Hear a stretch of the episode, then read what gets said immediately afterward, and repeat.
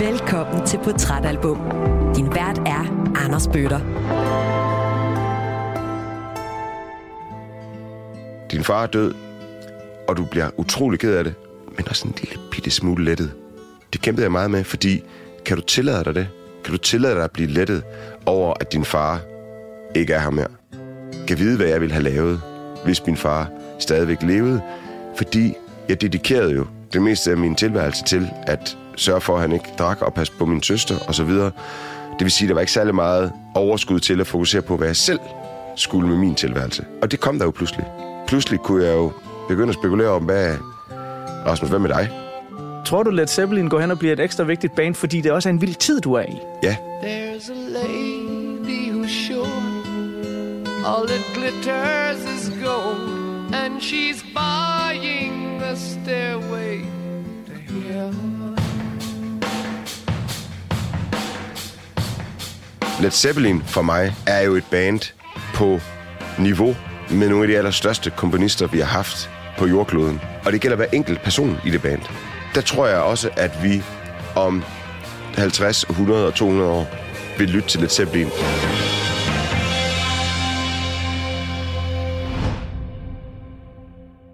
Hvis du er trofast lytter af Portrætalbum her på Radio 4, så ved du også, at jeg har en eller anden form for fetish for albums, der har et stærkt åbningsnummer. Du ved sådan et nummer, der fungerer godt i sin egen ret, men samtidig også er en programerklæring og et sammenkog af det album, man skal i gang med at lytte til. Og det er meget få albums, der starter så hårdt, så velkomponeret og så hamrende effektivt, som det album, vi skal dykke ned i i den her uges udsendelse. Mit navn det er Anders Bøtter, og det her, det er de første sekunder af åbningsnummeret Black Dog fra Led Zeppelins fjerde album. Og jeg glæder mig enormt meget til at høre, hvad der er, der rammer den 16-17-årige Rasmus Tantholdt, da han hører den her kraftfulde albumåbner for allerførste gang. Wow! Hey, hey,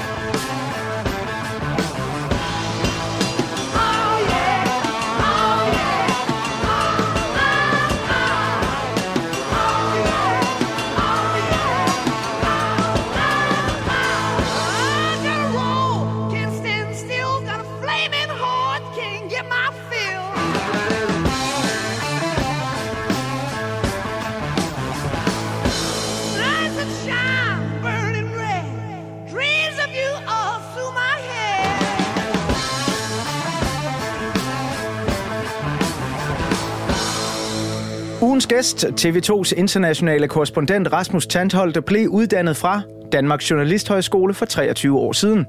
Han er kendt for sine grundige, seriøse, men oftest også meget menneskelige reportager fra verdens brandpunkter, hvor han siden 2003 ofte har formået at være på det rette sted på det rette tidspunkt, når han har dækket især krig, konflikter og katastrofer.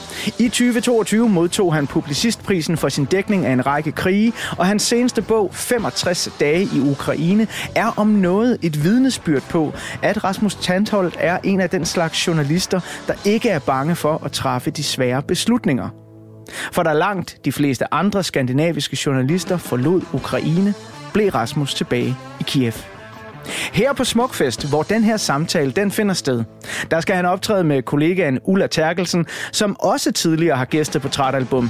Her der snakkede vi om hendes år i 1960'ernes London og The Beatles-albummet A Hard Day's Night.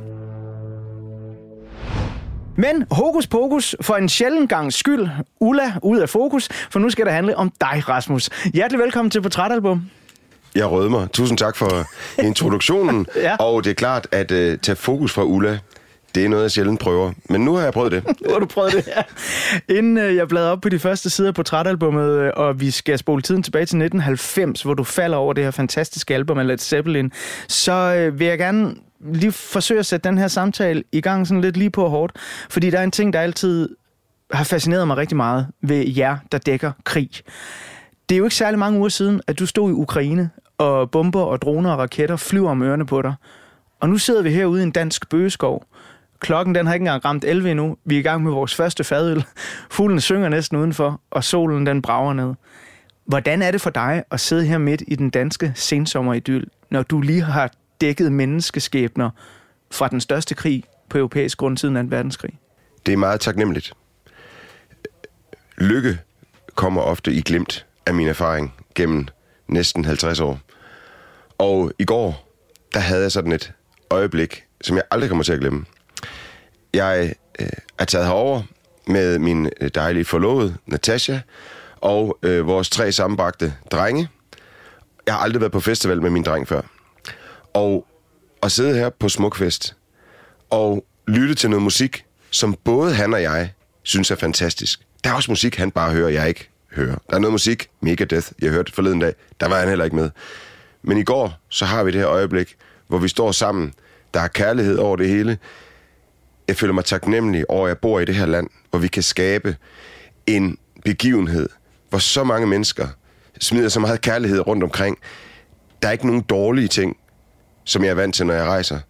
Og på et tidspunkt, så tager jeg min søn op på skuldrene, rejser mig op, og så står vi bare der, og vi jubler til Benjamin Hav. Tak til ham. Og har en kæmpe fest.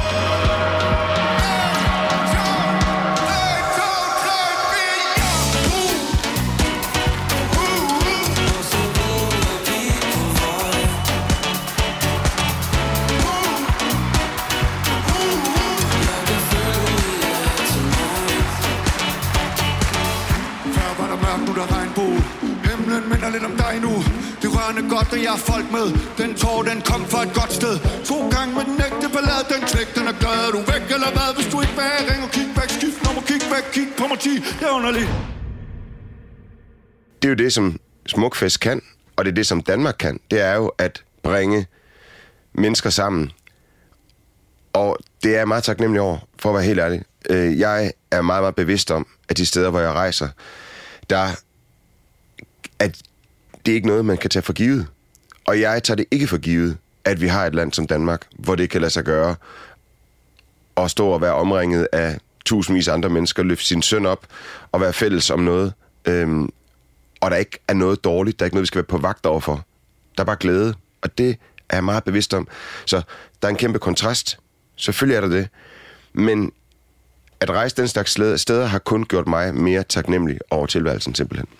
Jeg tænker, når du rejser ud til den slags steder, så er det jo vigtigt at forberede sig. Også at forberede sig på, hvad kan der ske? Hvad, hvad er situationen? Også hvad, hvad er sikkerhedssituationen? Men jeg tænker, rent følelsesmæssigt, rent psykisk, må der også ligge en forberedelse i at skulle kunne komme hjem igen. Og skulle kunne stå derude til Benjamin Hav og løfte din søn op. Hvordan gør man det? Fordi jeg tænker, jeg tænker, man tager vel ikke bare lige SAS-flyet, som vi andre gør, når vi er ude at rejse, og så lander man bunk lige ned i Skanderborg, og så går ud. Der er jeg så utrolig privilegeret, at jeg har fået en søn. Fordi lige siden han var lille, har han jo ikke kigget på mig og tænkt, nej, min far han har et vildt arbejde.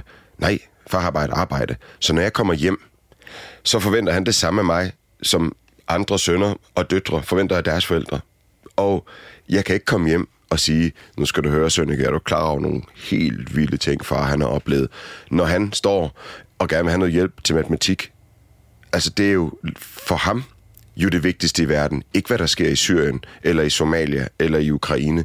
Så jeg er blevet meget, på grund af ham, god til at komme hjem og være til stede i det, der fylder noget i hans tilværelse. Og som alle fædre og mødre ved, så er der simpelthen ikke noget, undskyld alle ukrainer og syrer og somalier og alle mulige andre, men der er ikke noget, der er vigtigere for mig, end at han har det godt. Så det har tvunget mig til at komme hjem og være en del af hverdagen. Og ikke for at citere Dan Tyrell, men jeg elsker hverdagen, og jeg sætter pris på den. Ved du hvad, der øh, har vi to ting virkelig, vi, vi to virkelig noget til fælles altså. Det, øh, jeg, jeg er faktisk, der er nogen, der kalder mig feriehaderen, øh, fordi jeg holder så meget af hverdagen, og, og hele den der sådan, øh, åh, nu glæder jeg mig til at slippe væk i nogle uger fra det hele. Det, det sådan har jeg virkelig aldrig haft det. Jeg kan følge dig.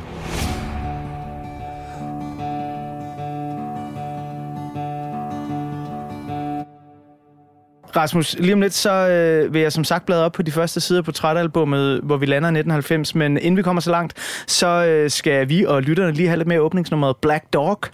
Det øh, kommer jo fra et album, Led Zeppelin 4, som jeg uden at blinke vil kalde for en af de vigtigste grundpiller til grundlæggelsen af heavy metal musikkulturen. Og Black Dog er så signifikant, fordi at gitaren den bliver så super vigtig. Fordi jeg har det sådan med det her nummer, at hvis man sådan lige går udenom forsanger Robert Plant, sådan messende, oh yeah, oh yeah, så er der nærmest ikke noget omkvæd i det her nummer. Det har jeg aldrig tænkt over. Altså, det er gitaren, der laver det, som man nærmest synger med på. Og så det riff Ja, er jo blevet kopieret gange tusind af alle mulige andre, næsten lige så dygtige musikere. Ja, men jeg sad og hørte albumet igennem, og så var jeg sådan... Jo, man kan da vel godt sige, der er et omkvæd i hans Oh Yeah, men det er gitaren, der laver det der. Og igen også, læg mærke til, når der bliver sunget, så er der stort set aldrig nogen andre instrumenter. Det er vildt interessant bygget op, det her nummer. Det, det er vildt skørt. Det er slet ikke tænkt på.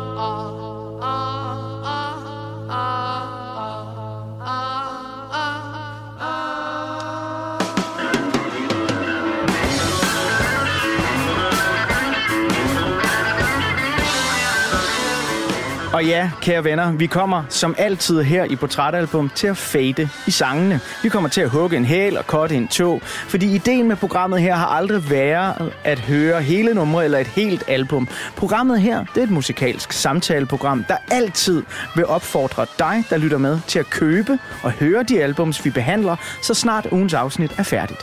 Portrætalbum er en træretters menu, men du må selv stå for desserten. Og det er at høre albummet i sin fulde længde. Rasmus, nu har jeg bladret op på den første side af portrætalbummet, og øh, Led Zeppelins fjerde album, det udkommer i november 1971. Men på det tidspunkt, der er du cirka to år gammel, øh, så du er nok ikke helt klar til at rocke ud til Black Dog. Du har fortalt mig, at du for alvor forelsker dig i det her album i 1990, og det er året, hvor du, øh, så vidt jeg lige kan hovedregne, fylder 17. Så på den her første side af portrætalbummet, der er der et billede af Rasmus Tandholt, 17 år gammel. Du er i gang med at høre Led Zeppelin 4 for første gang. Prøv lige at beskrive det her billede for os, Rasmus. Øh, Lad os starte med det simple. Hvordan ser du ud? Nu kigger jeg på dit hår. Jeg havde langt hår og hestehale, og øh, var en novice inden for musik. Øh, Jeg spillede i et band, der hed Rocky Mountain Oysters. Copyright, I skal ikke stjæle det navn. Men det havde jeg en kæmpe fest med, sammen med gode venner. Øh, Jeg var selvfølgelig forsanger, det er klart. Øh, Og, og i og med, at jeg kunne spille nogle instrumenter ordentligt.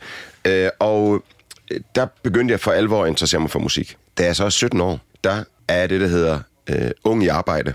Det var noget, man havde dengang. Øh, Jeg vidste ikke, hvad jeg skulle. Øh, Gymnasiet øh, lykkedes det mig ikke at komme ind på. Jeg blev erklæret øh, måske egnet.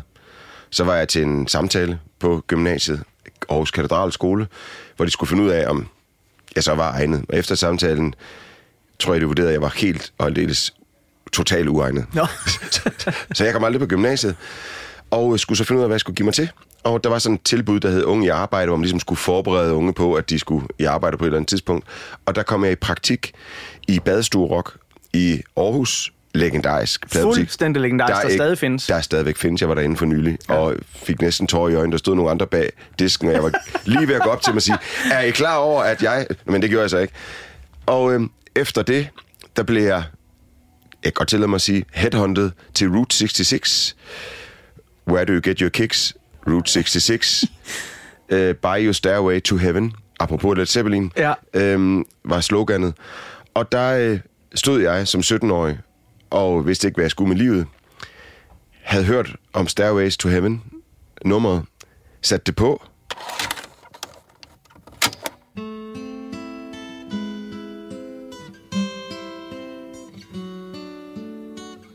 og alle kender det. Jeg er sikker på, at alle lytter øh, ved, hvad jeg taler om. Og ja, nogen vil også sige, det er måske en kliché efterhånden, det øh, nummer, øh, for det er jo nok Led Zeppelins mest kendte. Men det var det første, jeg hørte, og det er jo det, der er på Led Zeppelin album nummer 4, som jo ikke har nogen titel, men vi kalder det nummer 4. Mm. Og så var jeg bare solgt. Tænkte, okay, det her det er jo helt vildt, den måde nummeret er bygget op på, som jo er blevet kopieret siden øh, Bohemian Rhapsody. Øh, der, der er jo masser af eksempler, øh, sikkert også nogen før, øh, men det, det, det, det rev tæppet væk under mig. Og jeg øh, begyndte så at lytte intens til Led Zeppelin. Og øh, så satte jeg mig for, i stedet for at få løn, så fik jeg udbetalt min løn i LP'er. Og det er jo en brugt pladeforretning. Ja, så folk ja. kom jo ind. Så jeg satte mig for, at jeg ville have Led Zeppelin alle albums i første tryk. Det er ikke lykkes. Wow. Det er ikke lykkes. Men jeg har Led Zeppelin 1 øh, og 2 og 3, men ikke 4 i første tryk. For så kom folk jo ind og solgte deres plader, og jeg har jo så lært af min mester, desværre afdøde Martin, der havde uh, Route 66, øh, hvordan jeg skulle tjekke, om det var første tryk og andet tryk osv. Ikke? Øh, Så øh, når der er en, der kommer ind og siger, jeg har nogle plader, jeg gerne vil sælge, så kunne jeg se, at det ikke kun første tryk der. Du får en tier. Jamen, det er jo fint. altså, Det her anede jeg jo ikke. nej, det gør du ikke. Vores opvækst i ungdommen er en en den samme. Jeg starter i erhvervspraktik i øh, 9. klasse i en pladebutik i Svendborg, der hedder Uptown Music, mm-hmm. som så senere lukker. Og så øh, overtages lokalerne af den legendariske odenseanske pladebutik Moby Disk, der åbner en Svendborg-afdeling, hvor jeg bliver, hvad man vel kan kalde daglig leder. Jeg kalder bare mig selv for pladepusher, sådan set. Og jeg fik også stort set al min løn i plader. Godt og vel i hvert fald. Øh, der var ikke, eller det var sådan, jeg kunne trække pladerne fra i min løn, ikke? så der var ikke så meget tilbage i slutningen af måneden. Her. Og det var sådan set der, at jeg lærte, når jeg bor også til leje et sted, og han skal faktisk have nogle penge. Han, er, han vil ikke have plader. Han, han vil ikke have plader. så det var sådan, de hårde lærepenge, der er sådan, shit mand, nu har jeg gjort det igen. Nu har jeg faktisk brugt alle mine penge på de her brugtplader. Øhm, så jeg ved 100% hvor, hvor du kommer fra på det her tidspunkt.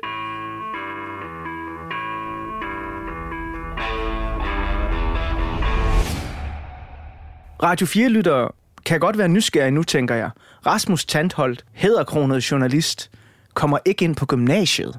Så altså, bliver jeg jo nødt til bare lige at bladre lidt hurtigt frem i portrætalbummet. Vi kommer til dit senere liv senere i programmet her, når vi går i gang med del 2. Men hvordan kommer man så ind på Journalisthøjskolen? Hvordan var, var din videre færd?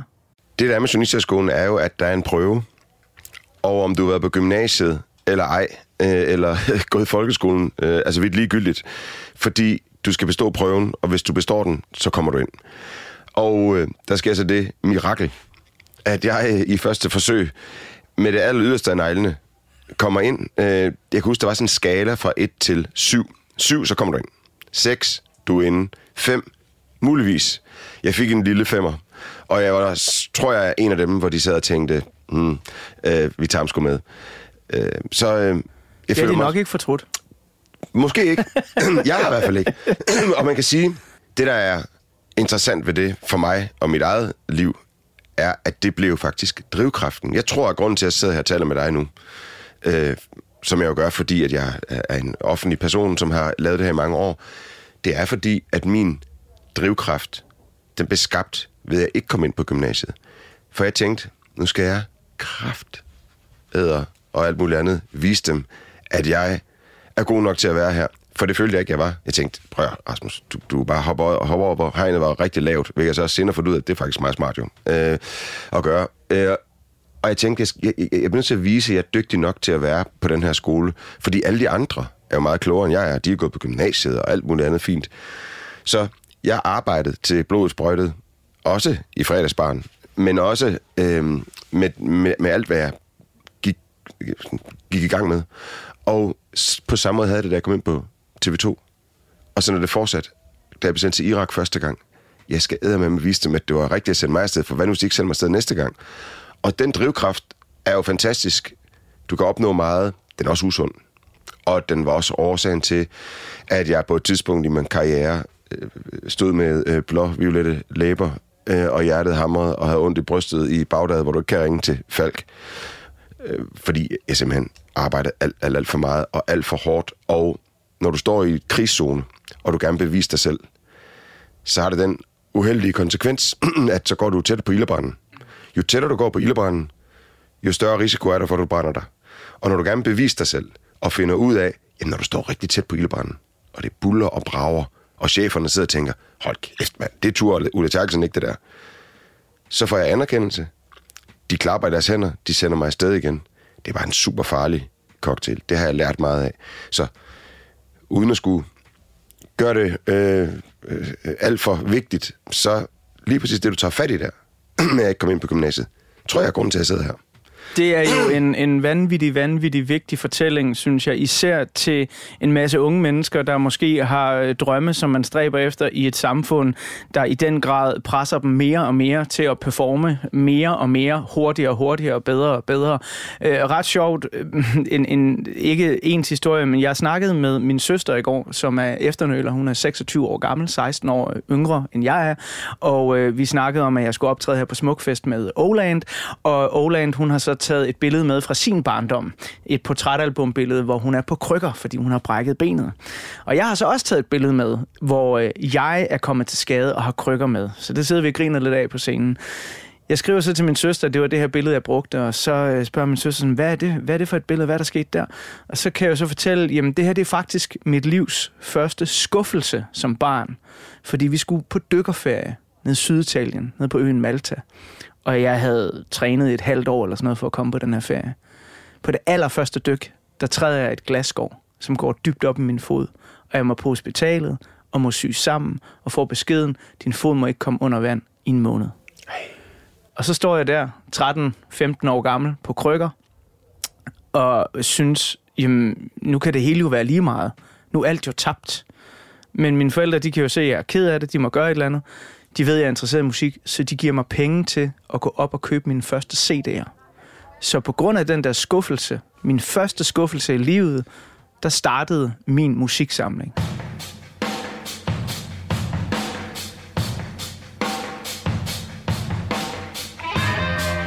Og det kan vel et eller andet sted, stjerne, sol, måne, de facto være, hvorfor jeg sidder her og snakker med dig.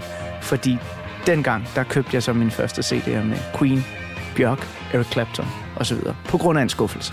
Præcis. Og det er jo virkelig, virkelig interessant, synes jeg. Fordi jeg prøver jo som far at forsøge at undgå, at min søn får nogle skuffelser. Altså, jeg vil, jeg vil gerne bære ham frem til at få det bedste liv. Men sandheden er jo bare, at det bedste liv, det får du ved at lære af de fejl, du begår, af de øh, udefra kommende ting, der gør, at dit liv bliver ændret, som dit blev der. Og som mit blev. Jeg var nok også lidt mere medskyldig, at jeg ikke kom ind på gymnasiet, end du var, øh, i forhold til at få et glasgård i foden. Men på den måde, så tror jeg virkelig på, at, og det er en gigantisk kliché at sige, at øh, øh, man bliver stærkere mm. af modgang. Men det gør man jo. Det gør man jo lige Og, og, præcis. og, og, og jeg synes jo, at vi også lever i et samfund nu, hvor der er ekstrem fokus på, mig selv inklusiv, at der ikke må være noget modgang. Der må ikke være noget, der går ondt. Der må ikke være nogen, der bliver ked af det. Se, hvis der nogen, der bliver ked af det, hvad, hvad skal vi så gøre? Og alt handler om værdidebatter, og alt handler om, at ingen må blive ked af det. Og det er jo en sød tanke. Men jeg tror også, at det er godt en gang imellem at blive ked af det.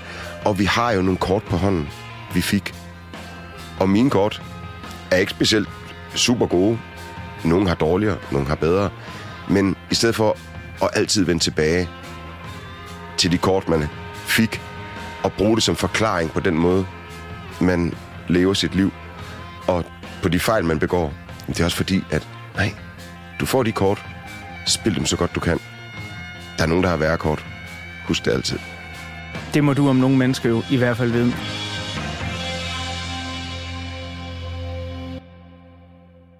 Jeg skal huske også at holde øh, fokus på den bold, der hedder musikken, og øh, året 1990, som jo er der, hvor du falder i den store Led Zeppelin-gryde. Så lige om lidt, så bladrer jeg op på den næste side af portrætalbummet, hvor der er et billede af året 1990.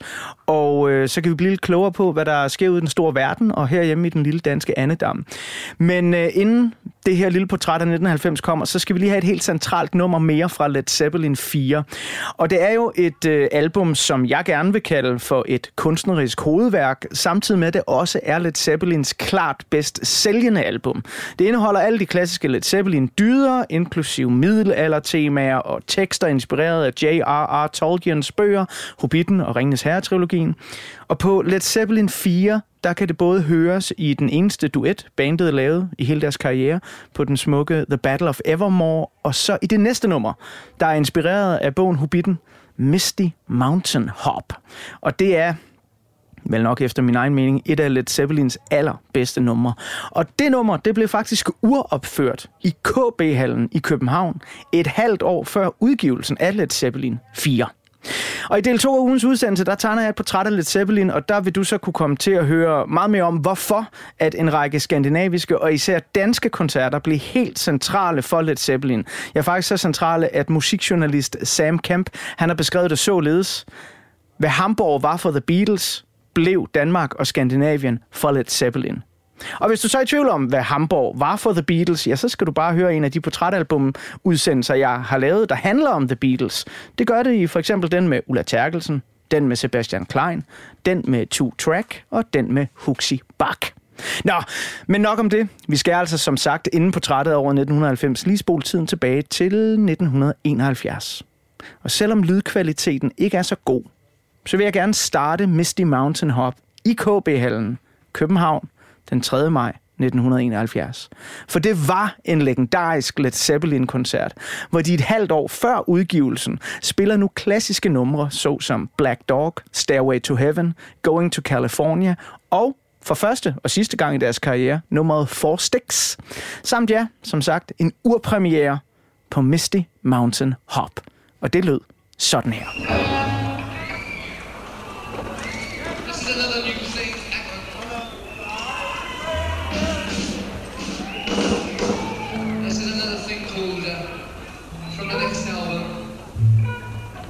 It's called Misty Mountain Hop.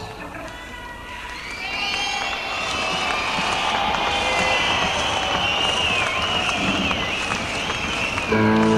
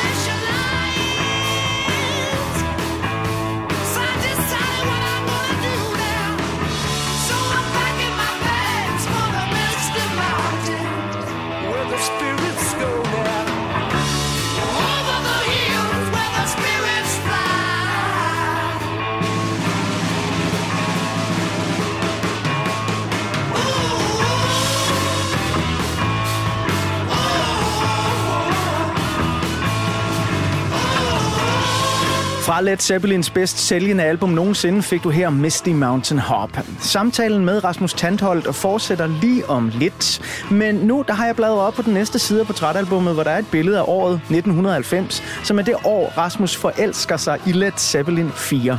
Så hold på hat og hijab, når jeg nu vil gøre dig klogere på, hvad der sker ude i den store verden og herhjemme i Danmark.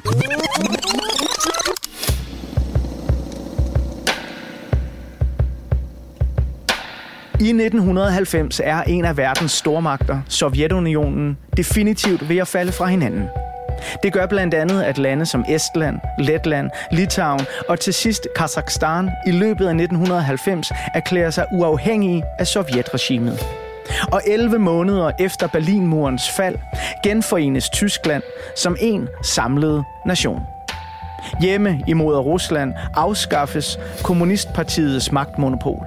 Det baner vejen for et nyt flerpartisystem, som samtidig giver nye og større magtbeføjelser til præsidentembedet. Get used to the name. Mikhail Gorbachev. Mikhail Gorbachev bliver valgt til den nyoprettede præsidentpost. Gorbachev should have plenty of time to put his mark on Soviet affairs. Men selvom den kolde krig symbolsk afsluttes med Berlinmurens fald, så betyder det dog ikke, at der er fred og fordragelighed i verden. 1990 er nemlig året, hvor Irak invaderer det olierige naboland Kuwait. Det får hele 35 lande til at sammensætte en forsvarskoalition ledet af USA. Og med et FN-mandat i ryggen begynder den første golfkrig med Operation Desert Shield. It is not the United States against Iraq. It is Iraq against the world. At its height, Operation Desert Storm was comprised of three dozen nations against Iraq, a country with the fourth largest army in the world, who was on the brink of controlling a fifth of the world's oil supply.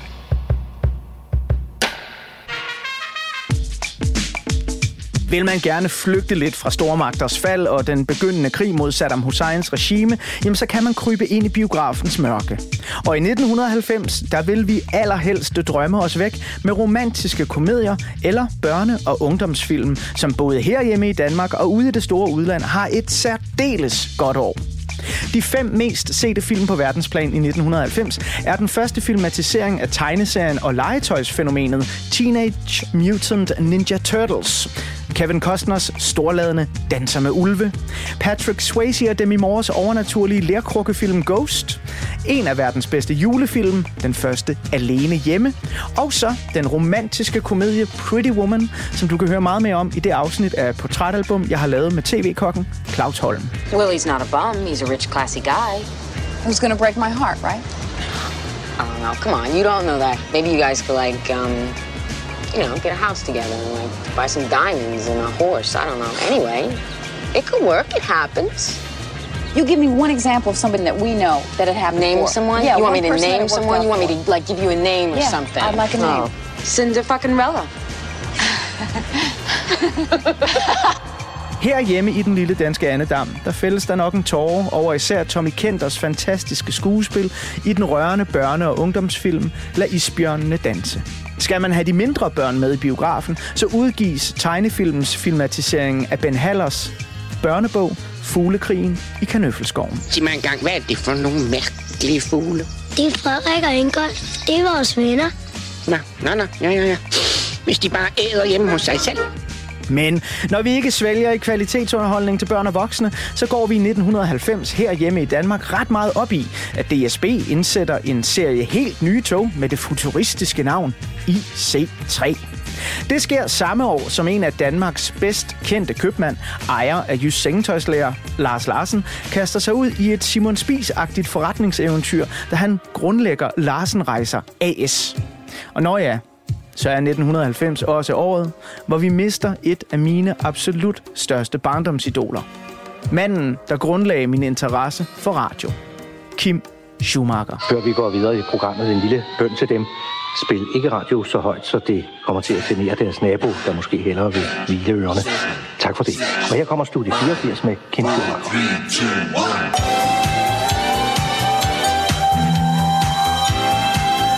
Du kan høre på grundrytmen her er tiden inden, ser du thriller lyttemusklerne helt helt til et hjemmetømret stereoredskabsbruger i dagligstuens hyggekrog. For det er nu en gang i dit liv blevet mandag, det er cirkus 1905. Jeg er igen Kim Schumacher, men hvis efternavn ikke staves Speedmarker, og fra Rosenland Palæ i København, byen hvor faren og moren for den sags skyld lurer rundt om hver gadehjørne. Det her er Pop 84 Lavkagemix. Sidst, men absolut ikke mindst, så er 1990 også året, hvor passagerfærgen Scandinavian Star, der var på vej fra Oslo til Frederikshavn, bryder i brand. Katastrofen koster 158 af de 482 ombordværende livet. Der er aldrig placeret et definitivt ansvar for morbranden, og så sent som i 2022 er sagen igen blevet aktuel, da blandt andet Dagbladet Politikken skrev en Kavling-nomineret serie med nye afsløringer om blandt andet Søfartsstyrelsens rolle i efterspillet. Selvfølgelig var der noget, der skulle have været efterforsket der, men det blev det aldrig. Det blev aldrig efterforsket af danskere eller nordmænd, fordi vi ved ud fra aktindsigter, og vi har også fået det at vide, at de har aldrig nogensinde været i udlandet. De har nærmest kæmpe for at afvise både Bahamas og USA. Så det, det er virkelig en kæmpe, kæmpe, kæmpe fejl. Rasmus, det var en øh, kort overflyvning af 1990. Jeg er overrasket og blev klogere. Ja. Jeg kan simpelthen ikke... Øh, det ville jeg ikke kunne have sagt. Nej. Hvad der skete i 1990? I don't know. Jeg hørte Led Zeppelin. Du hørte Led Zeppelin, og det er lige præcis derfor, jeg laver de her små portrætter, fordi nogle af mine gæster øh, har jo retterne ude af måske midten af 20'erne og går op i alt muligt lige fra politik til samfundsforhold osv., og andre som dig har lige fået job i en pladebutik øh, og leder efter første optryk af Led Zeppelin, og det er måske sådan ligesom det eneste, der øh, er vigtigt. Men hvis vi ser tilbage på året med alt, hvad du ved nu, og hvad du interesserer dig for den dag i dag, er der så nogle af de her historier, enten ude fra den store verden eller fra, fra lille Danmark, som du sådan tænker, jamen øh, havde du været et andet sted i dit liv, da du var 17, så havde det måske vagt din interesse? Scandinavian Star, øh, vil jeg jo øh, mene, med min journalistiske nysgerrighed, ville være en historie, som jeg havde øh, virkelig øh, gået ind i. På den anden side, så har jeg egentlig heller ikke lyst til, og, øh, og det er måske sådan, som jeg gerne vil ses på andre mennesker. Jeg har ikke lyst til at være ham der katastrofejournalisten, som kun går op i død og ulykke. Øh, og det modsiger jo lige lidt det, jeg sagde. Men for at være ærlig, Ja. så, så, så er det jo nok noget af det, jeg vil øh, øh, huske, øh, desværre. Vi har jo efterhånden sådan lidt fået tegnet et portræt af, hvor du er på vej hen i livet, og øh, at øh, du ligesom kommer i arbejde i den her pladebutik, og det kommer til at betyde rigtig meget for dig. Du kommer ikke ind på gymnasiet, senere kommer du ind på Journalisthøjskolen. Øh, og det siger jo meget om, om, hvad skal vi sige, karrierevejen. Men hvis vi lige træder et skridt tilbage fra portrættet af Rasmus Tandholt, cirka 17 år i 1990, hvem var du som person? Hvem var Rasmus Tandholt som menneske dengang? Han var et menneske, som de færreste ville kunne genkende. Personer, som øh, ser mig i dag, tænker, muligvis forestiller jeg mig, han virker som en øh, super øh, selvsikker øh, person, der øh, har styr på sine øh, ting. Øh, han står i fjernsynet og øh, har autoritet. Øh, forhåbentlig stoler folk på, hvad jeg siger, øh, for jeg har undersøgt det grundigt. Sådan en person var jeg slet ikke dengang. Jeg var en, en usikker, ung dreng, der helt ærligt ikke vidste, hvad jeg skulle med min øh, tilværelse. Jeg var også en sårbar dreng. Øh, jeg mistede min far, da jeg var 13 år. Og det er klart, det ønsker jeg ikke for nogen. Øh, og det skete i en ulykke. Oh. Øh, så det var pludseligt. Det var ikke et langvarigt øh, kraftforløb eller lignende, så jeg var ikke forberedt på det overhovedet.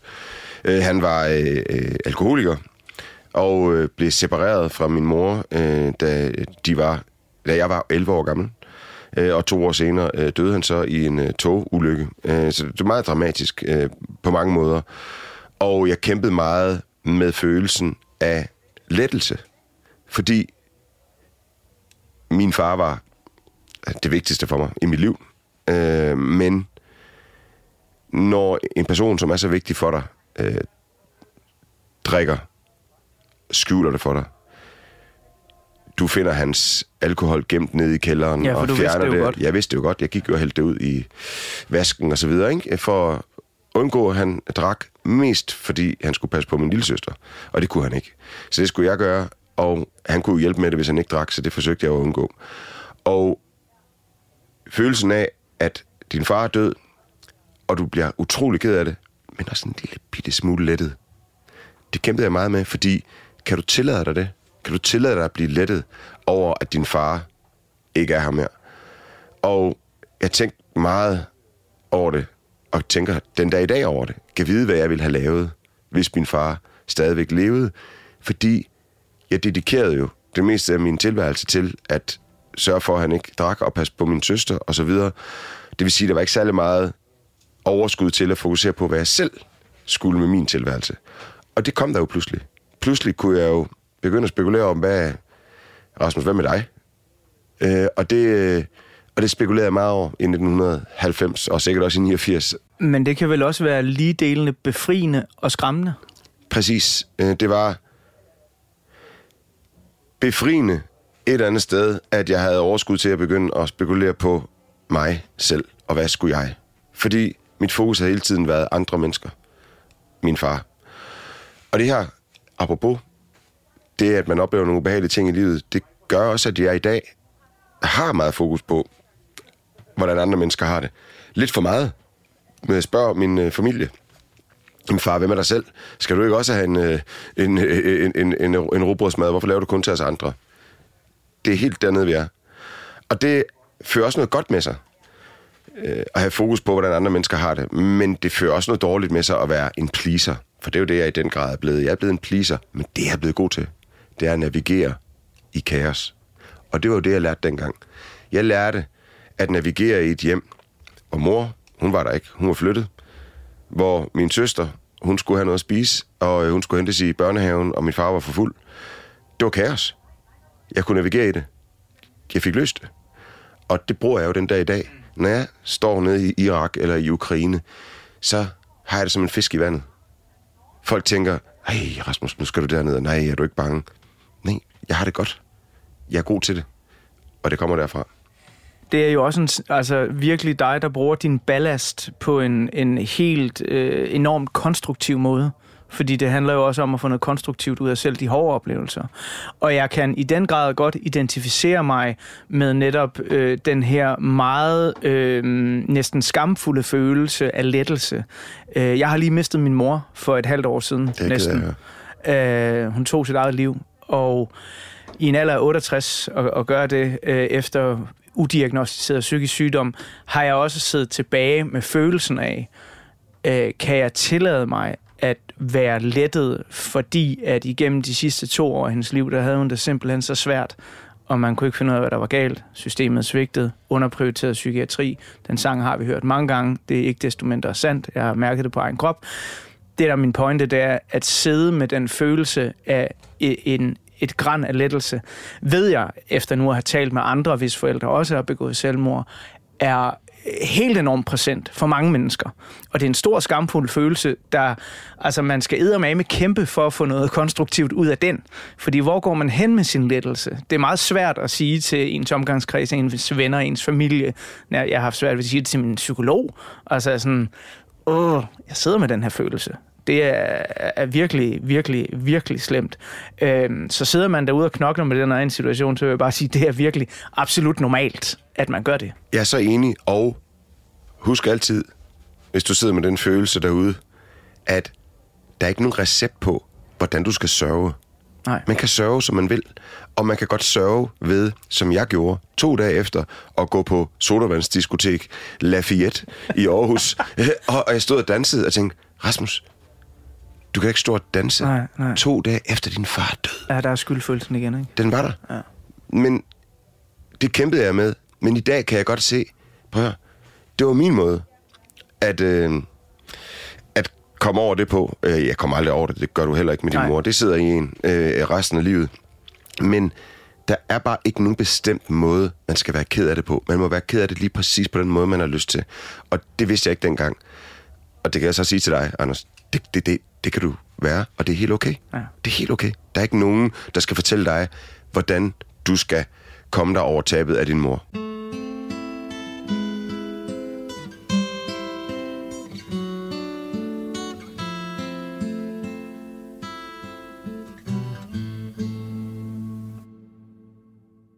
Jeg er nysgerrig på, Rasmus, i den her tid i dit liv, hvor der jo sker nogle ret voldsomme ting, som så kommer til at forme dig, som du den dag i dag i bagklogskabens lys kan sige, du bruger øh, konstruktivt og, og har en, en god, positiv ballast med. Øh, kommer musik til at betyde noget ekstra der? Altså, fordi nogle gange, når vores følelser er ude, ikke, så kan man jo også suge musik ind til sig ekstra. Altså, tror du, Led Zeppelin går hen og bliver et ekstra vigtigt band, fordi det også er en vild tid, du er i? Ja, så kort er svaret på det. Jeg er typen, der kan også dengang i 90 og senere ligge med ørebøffer på på sofaen og lytte til nogle bestemte numre, og så triller tårerne bare.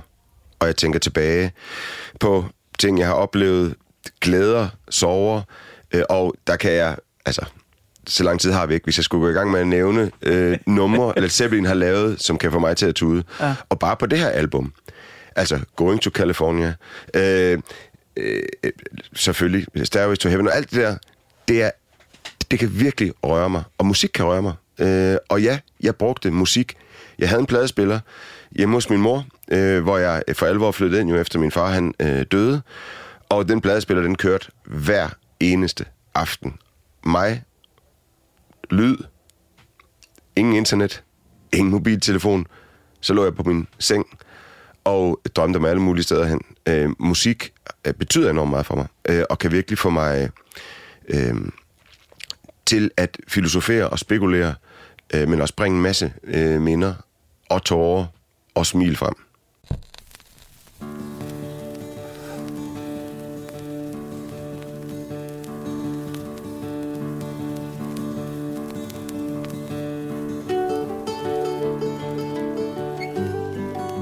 Rasmus, øh, det sker meget sjældent i portrætalbum, men øh, nogle gange så foregriber gæsterne mit manus. Prøv lige at se, hvad jeg har skrevet her. Vi skal høre som udgangsnummer på den her første del af Ja, okay. Så, så, ja, så, er det, så er det tid til at tude nu. Ja, men hvor, hvorfor? øh, Fordi det er et sjovt nummer på pladen, det her også, synes jeg. Fordi det er så absolut det mindst rockede nummer. Mm. Og jeg kan huske, da- jeg hørte den første gang, det har også været noget, måske midt 90'er-ish. Øh, og øh, der er det jo sådan, teenageren Anders, der bare gerne vil have noget rock ud til, han springer sgu måske nok det her nummer over. Men det gør jeg virkelig ikke den dag i dag. Hvad er det, der rører dig så meget ved Going to California? Teksten, øh, synes jeg, er øh, fantastisk på den måde, at den handler om noget så basalt i tilværelsen som en mand, der øh, har øh, øh fået et ordentligt slag over snuden af en dame, øh, og øh, han finder ud af, prøv at høre, det er nok ikke den eneste kvinde på jorden, som er sød. Der er måske nogle andre. Og det er faktisk det, sangen handler om, at, øh, at, øh, at vi tager til Kalifornien, og måske kan finde en kvinde med øh, øh, øh, øh, øh, flowers in her hair, Mm. mm. synger de. Ja. Øh, altså forestillingen om den perfekte kvinde, der bare løber rundt øh, og, og, og er fri og glad, og der er blomster i håret, og jeg har det bare så dejligt. At tro på, at kærligheden, selvom du får nogle slag, den er derude. Det er en ting. Noget andet er også, at jeg synes, at Led Zeppelin, ligesom mange andre heavy bands i øvrigt, rører mig, når de går ned og går i falset, øh, som man næsten gør. Det gør han så ikke i det nummer. Men, men ligesom øh, tager os ned på et plan og viser, og det er det, de gør her. Prøv at. En ting er jo at gå ind på scenen, trykke den af, råbe og skrige, øh, hammer på trommerne. Men det der, det er jo, det er jo, det er jo, det er jo klassisk musik. Altså, det, er jo, det, er jo, det er jo kunst. Det viser bare, at Led Zeppelin, for mig at se, er jo altså, så dygtige musikere. Og jeg tænker nogle gange over, ligesom jeg også gør med Beatles, andre, altså tænk, at fire mennesker ved et mirakel mødes og laver et band, og de er så dygtige. Altså, trommeslæren John Bonham døde i 1980, men er måske den bedste trommeslærer nogensinde, hvis du spørger mig.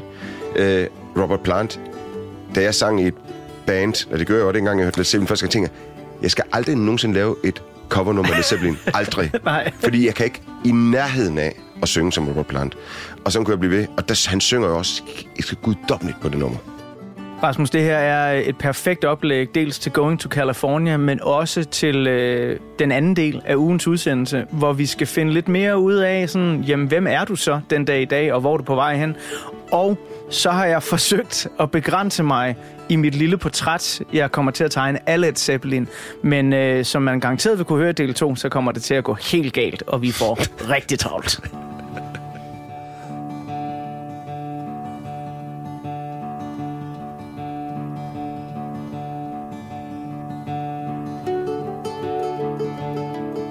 Spend my days with a woman unkind.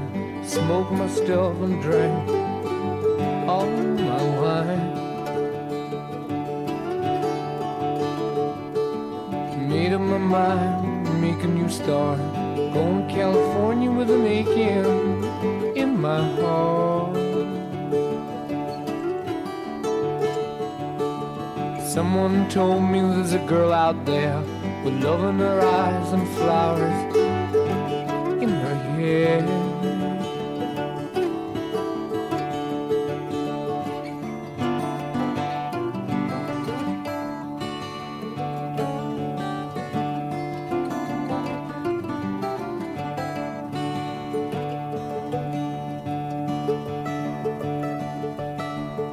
my chances on a big jet plane. Never let them tell you that we're all the same.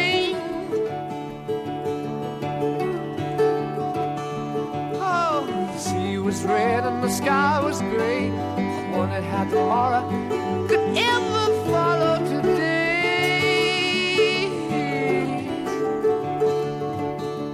Mountains and the canyon start to tremble and shake.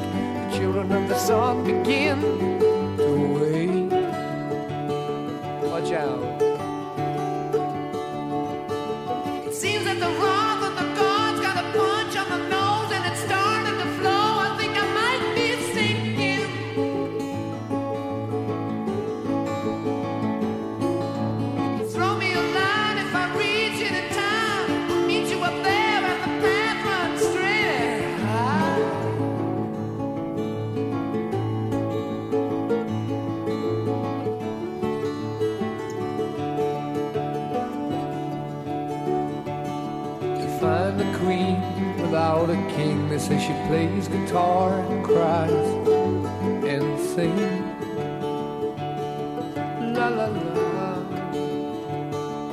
Ride a white mare in the footsteps of dawn. Trying to find a woman who's never, never, never been born.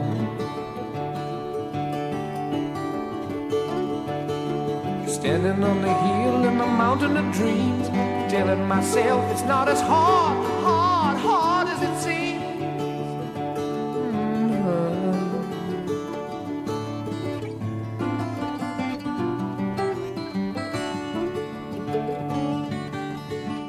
du selvmordstanker, kan du kontakte Livslinjen på livslinjen.dk eller på telefon 70 201 201.